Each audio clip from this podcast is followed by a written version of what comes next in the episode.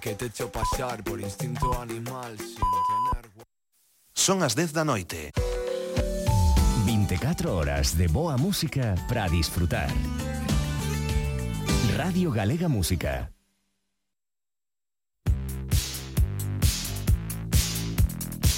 Cara B, con Manuel de Lorenzo.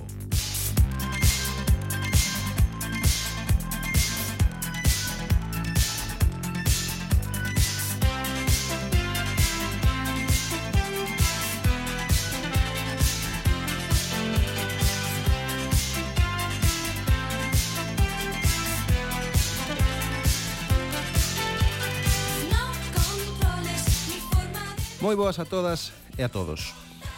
Había na miña infancia un xoguete, ainda que máis que un xoguete era algo así como un sistema de construcción por módulos, máis ben, non? Semellante ao Lego, pero con láminas metálicas de moi distinto tipo. Tiñamos este xoguete de construcción, como digo, na miña infancia, e na infancia de moitísima xente, claro, de feito, que se chamaba Mecano, non? O seu creador foi o inventor e empresario británico Frank Hornby, que no ano 1898 eh, creou este xoguete e lanzou no mercado eh, en 1901 baixo o nome de Mechanics Made Easy, ou seja, algo así como eh, mecánica en doado, non? Pouco despois simplificou ese nome e o sistema de articulación de pezas para construir cousas chamouse, sinceramente, mecano. Mecano.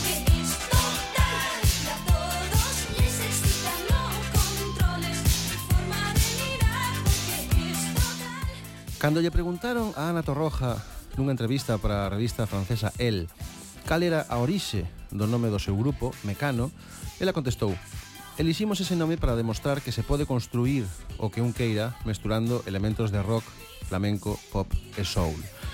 Ou seja, suxería que o nome era unha referencia directa ao xogo de construcción chamado Mecano, que era igual co nome do grupo, eh, pero cunha letra C a maiores, non?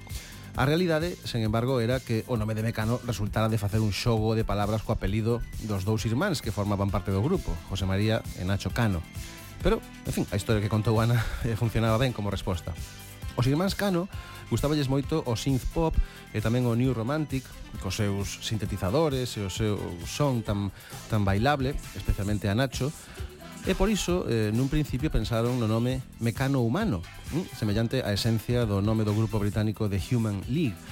Pero, eh, como aconteceu co propio xoguete Mecano, ao final o nome simplificouse e quedou soamente en Mecano.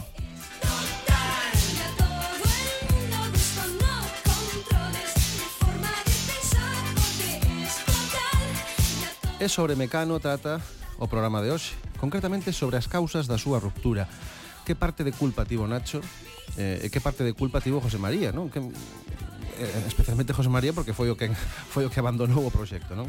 E tamén que papel tivo eh, Ana Torroja, claro, aparentemente equidistante sempre, pero se cadra non tanto. A historia dos irmáns Cano é a historia eh, dun talento descomunal para a composición, non? Eh, dos seus propios temas e, e dos temas que tamén escribiron para outros, como o afamado No Controles dos Ole Ole, co que abrimos o programa de hoxe, escrito para eles por Nacho Cano. Tiñen unha capacidade asombrosa para a composición de grandes armonías e fermosas melodías, non tanto para as letras das cancións, se mo permitides, que eran un tanto particulares. Eh, neste episodio imos eh, desfrutar desa música súa que supuxo un, un auténtico fenómeno social en España. Ten en conta que aínda a día de hoxe, eh, a excepción de Alejandro Sanz, ningún outro grupo ou artista vendeu tantas copias eh, dun disco como vender un mecano do seu xa mítico álbum Descanso Dominical que chegou o millón 300.000 copias, non? Dicía que neste episodio de hoxe imos desfrutar das súas cancións e imos profundar un pouco nas circunstancias que propiciaron a disolución da banda. Así que comezamos xa. Eu son Manuel de Lorenzo e aquí arrinca Cara B.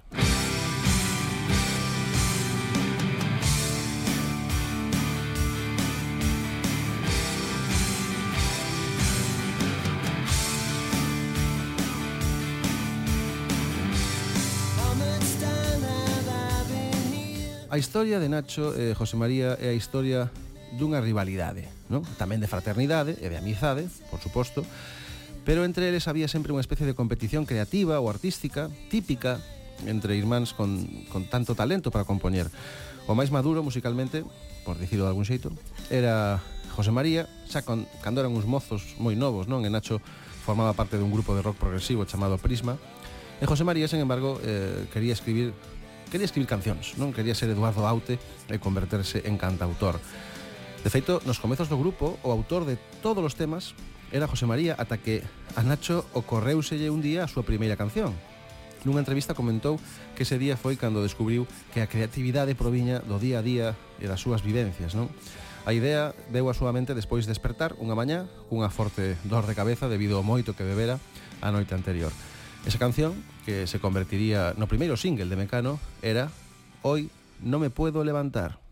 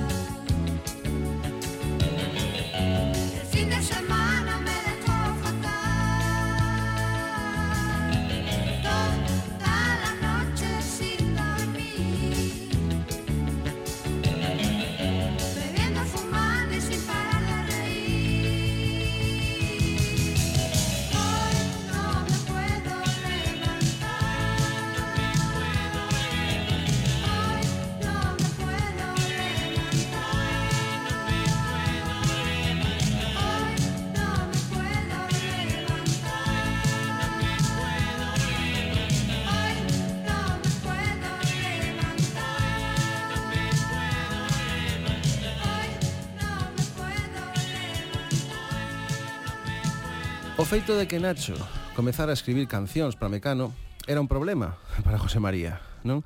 En primeiro lugar porque A súa intención era que a música da banda fose máis seria, non máis elaborada, máis adulta.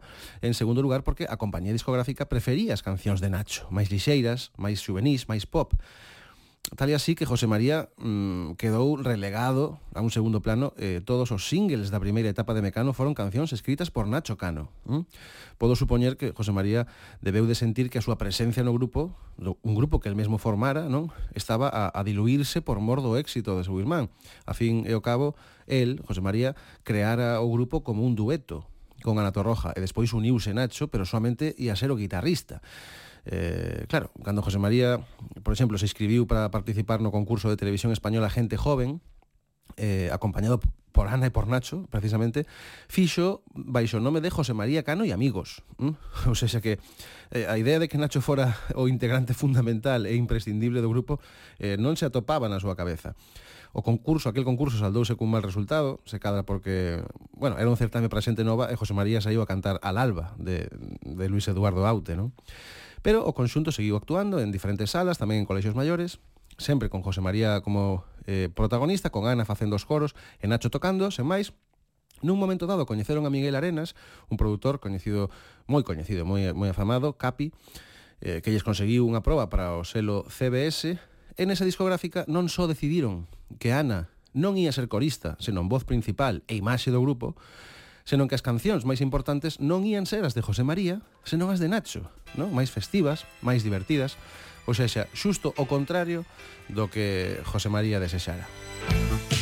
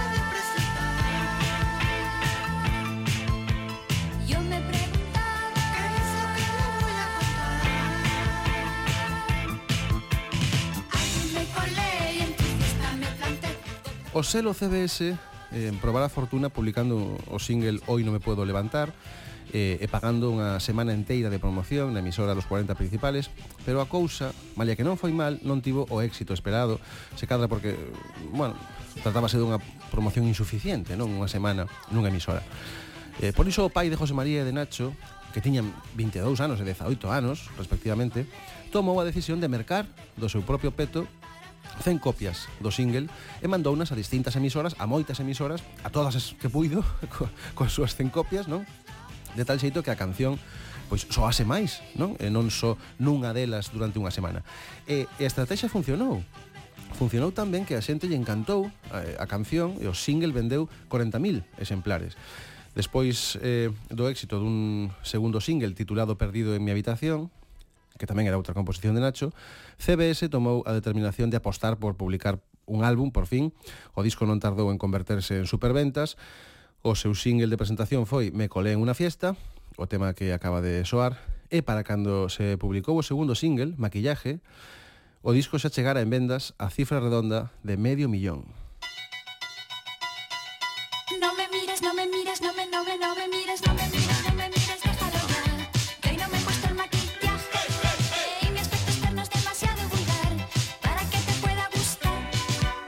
Me mires, no me mires, no me, no me, no me mires, no me mires,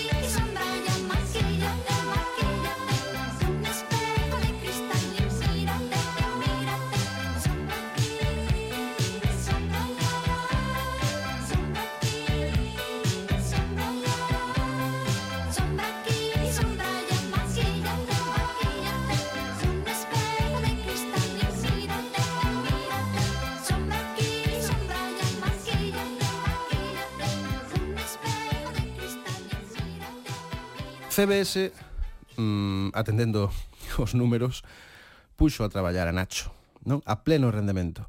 Aquel tipo de 18 anos era a galiña dos ovos de ouro, e claro, baixo esa presión e, e coa necesidade de dar forma a dúcias de cancións para seguir sacando discos canto antes, a calidade dos temas decreceu un pouco, non? Ou moito, segundo se mire.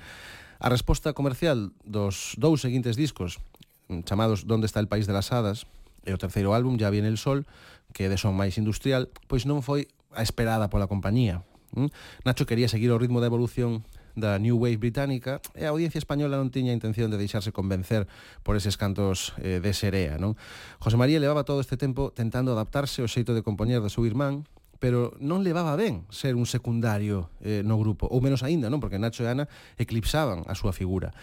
Tampouco estaba conforme co xeito en que a discográfica entendía o traballo do grupo e mesmo escribiu algunha letra en contra dos directivos do selo, eh, pero xusto no momento en que a frescura de Nacho se me un pouco perdida pola presión, eh, en fin, no medio da noite, da festa, eh, digamos que nesa seca creativa de Nacho, José María aproveitou para dar un golpe na mesa e dicir que él tamén sabía compoñer éxitos, non? E así apareceu nas ondas o tema eh, Hawaii Bombay, que se converteu nun clásico instantáneo.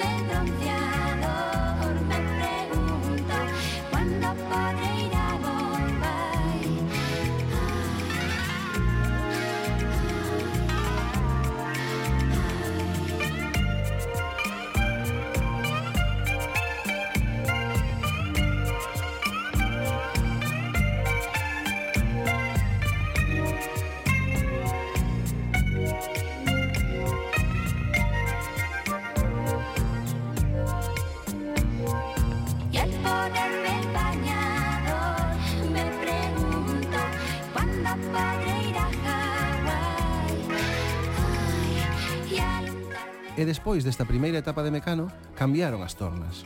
Mm? Isto é importante para entender eh, a ruptura do grupo, non? A compañía CBS, que estaba descontenta coas cifras de vendas de Mecano, rescindiu o contrato eh, coa banda. E aí cometeu un erro enorme, porque eh, a, a, a resurrección da banda non pasaba por forzar a Nacho a facer cancións, senón por cambiar de perspectiva e darlle máis importancia ás composicións de José María, non? Entón Mecano fichou por Ariola, por BMG Ariola, e da noite a mañá transformouse noutra banda. Desapareceron os sintetizadores e con eles eh, desapareceron os ritmos juvenis, tamén a estética máis estrafalaria, agora Mecano era un grupo de apariencia máis sobria, tamén máis masculina, se me apurades, non? O son pop eh, fresco deixou paso a un estilo máis adulto, máis pensado, E o carácter do grupo deixou de ser tan festivo e tan alegre, pois para ser iso máis maduro, non? E así chegou ao mercado o disco Entre el cielo e el suelo, e Mecano converteuse no grupo español de máis éxito en toda a historia.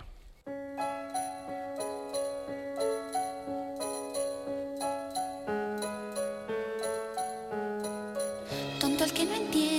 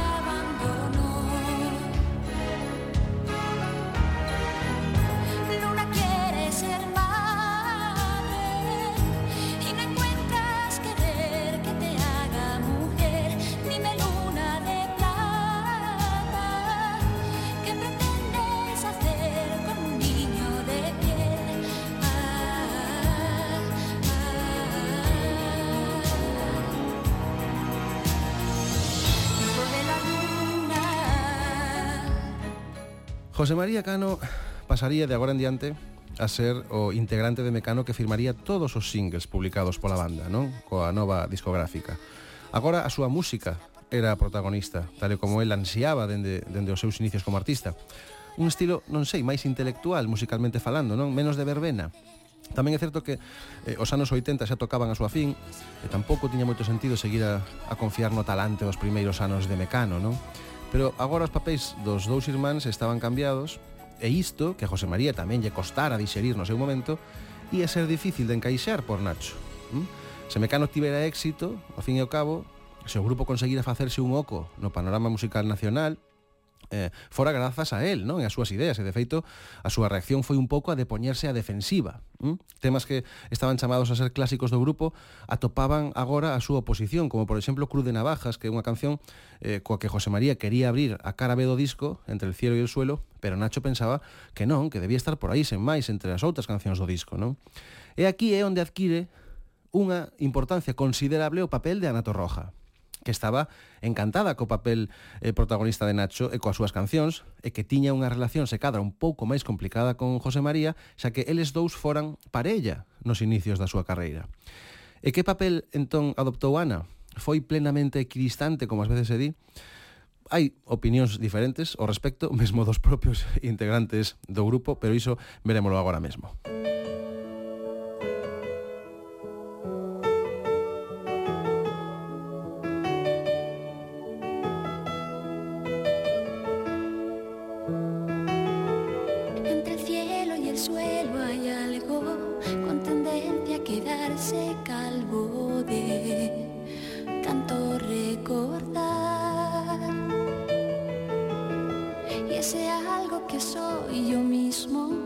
es un cuadro de bifrontismo que solo da una faz.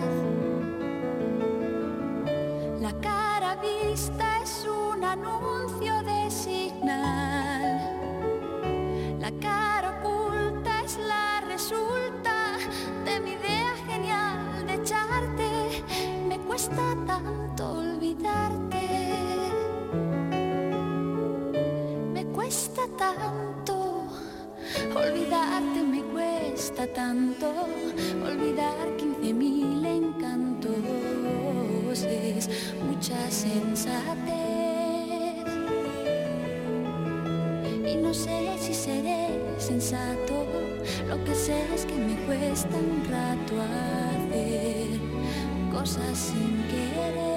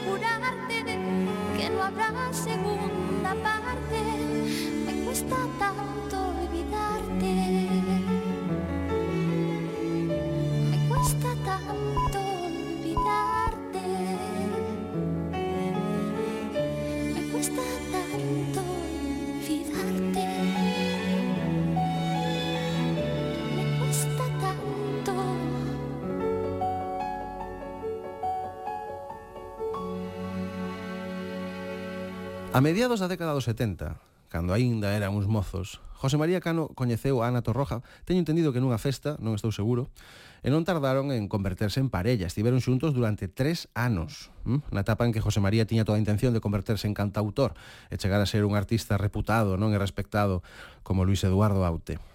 Ela tiña un talento natural para cantar, cunha voz delicada, sempre ben afinada, e pasou a ser a súa corista naqueles primeiros concertos en locais de Madrid, Máis tarde romperon a súa relación sentimental, pero continuaron a traballar xuntos na música e pouco despois comezou a andadura de Mecano tal e como vos la contei hai un anaco. E aí apareceu Nacho, un rapaz moi novo, cheo de enerxía, de ganas e cun talento para facer cancións que lonxe dese estilo serio de José María encaixaban perfectamente co son que comezaba a funcionar no movimento que despois sería coñecido como La Movida. Ou seja, Nacho era exactamente o que precisaba Mecano e Ana estaba encantada con él.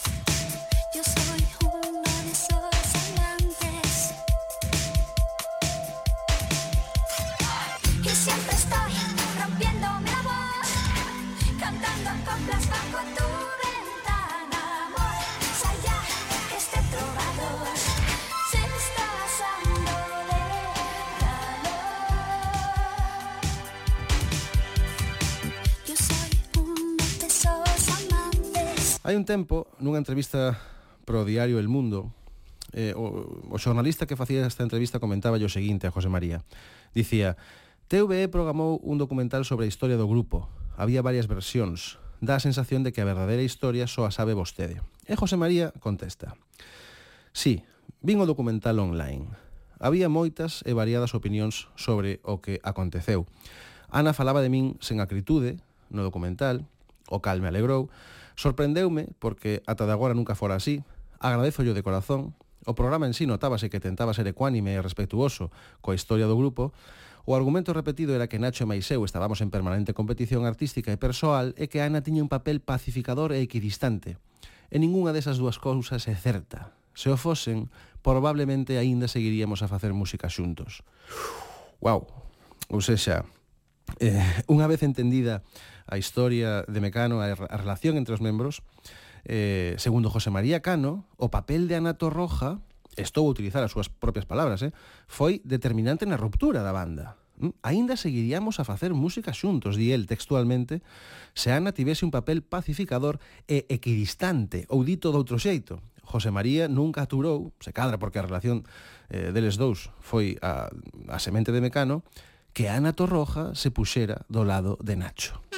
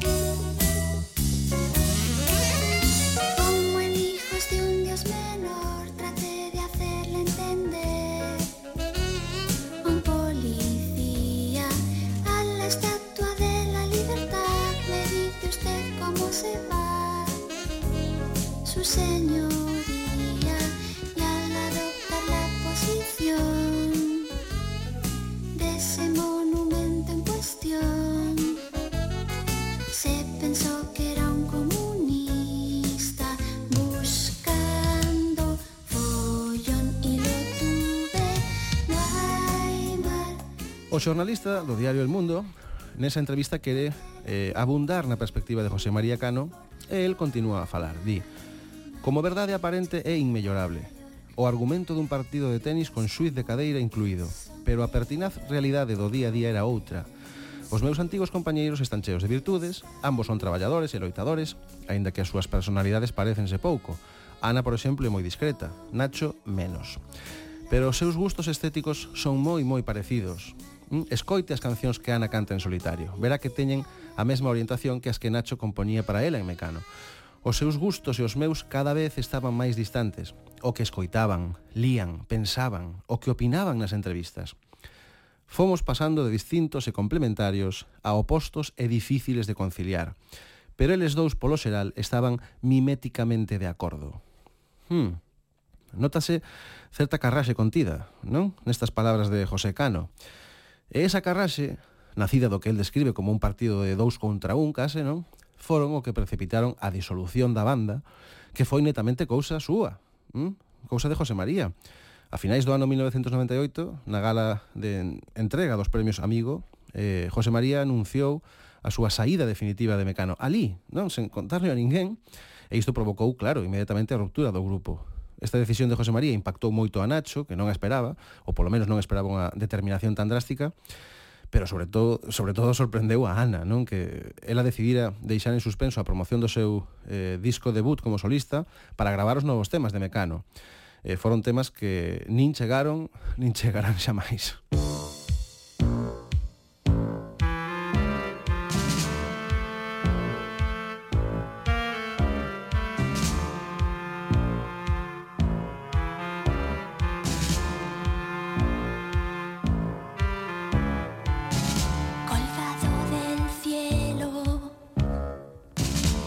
so sensitive.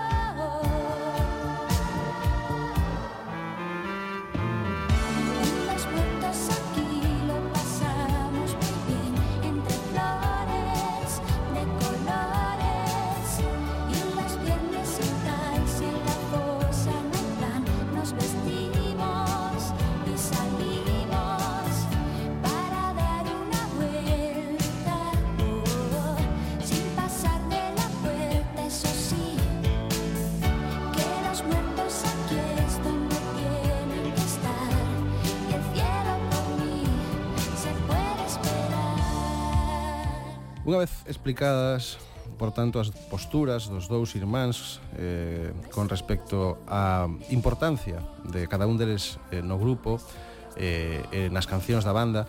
E unha vez explicado o papel de Ana Torroja eh, nesta relación entre eles vou tentar ilustrar esa tensión a tensión do que acontecía en Mecano neses derradeiros anos da banda cunha escena acontecida nunha reunión unha escena contada polo propio José María eh, da que antes xa comentei algo. Abro comiñas.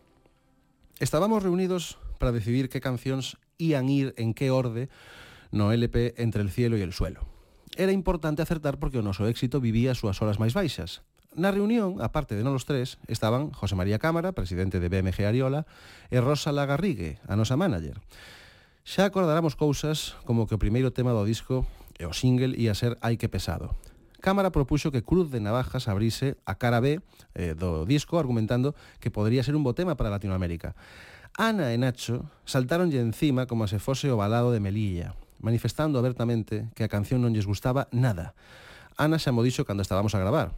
Tan así foi que a canción quedou relegada na cabeza da compañía discográfica.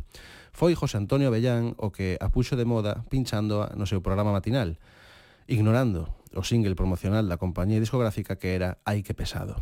Cruz de Navajas invertiu a polaridade da nosa trayectoria que nese momento estaba en caída libre e abriunos finalmente as portas de Latinoamérica. Levábamos anos dándonos con elas nos fociños. Música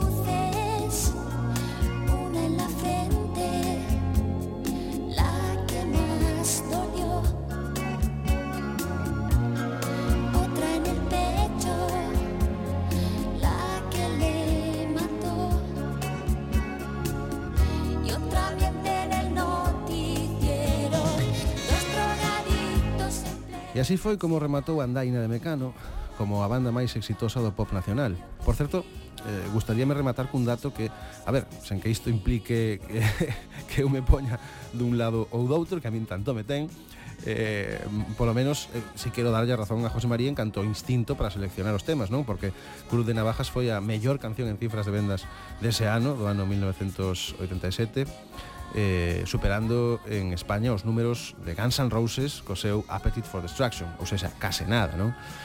En fin, non quero pechar este episodio de hoxe sobre, sobre o que aconteceu entre os membros de Mecano para levar o grupo ata a súa extinción, sen escoitar a canción que máis me gusta deles, decididamente adiantada ao seu tempo, eh, polo contido da súa letra, e que foi eh, un éxito internacional, malla que foi vetada nalgúns países precisamente pola letra. Eh, pero, en fin, foi un éxito rotundo. De feito, en Francia, eh, esta canción converteuse en número un. Foi número, foi número un de vendas durante oito semanas seguidas. Eh? Do, dous meses, dous meses no máis alto das listas de éxitos en Francia. Mujer contra mujer. Nada tienen de especial Dos mujeres que se dan la mano Matiz viene después. Cuando lo hacen por debajo del mantel, luego a solas, sin nada que perder. Tras las manos va el resto de la piel. Un amor por ocultar. Cueros no hay donde esconderlo, lo disfrazan de amistad.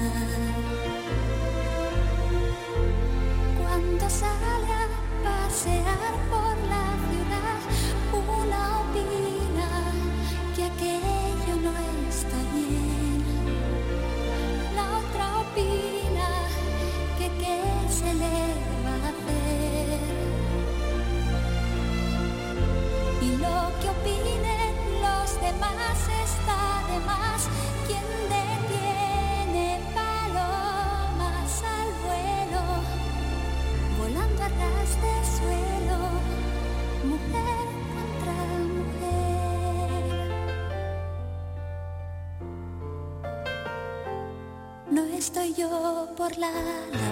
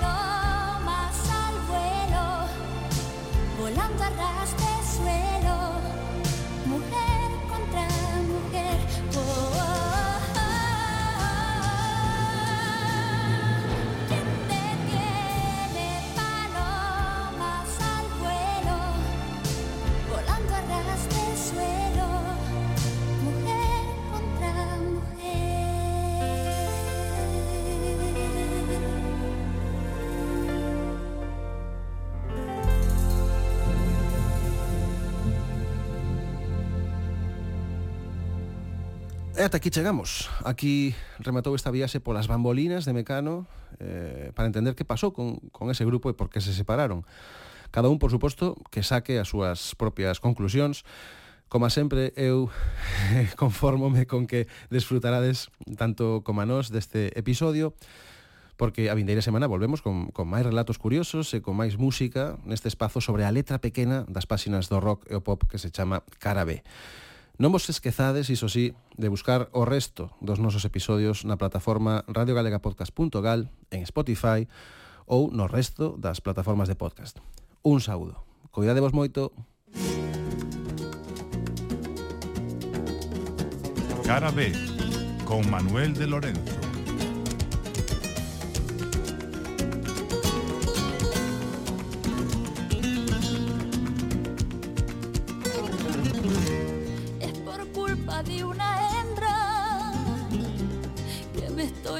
Volviendo loco. No puedo vivir sin ella, pero con ella tampoco. Y si de este mal de amores yo me fuera a la tumba, a mí no me mandéis flores que como dice esta rumba, quise cortar la flor más tierna del Cause I'm the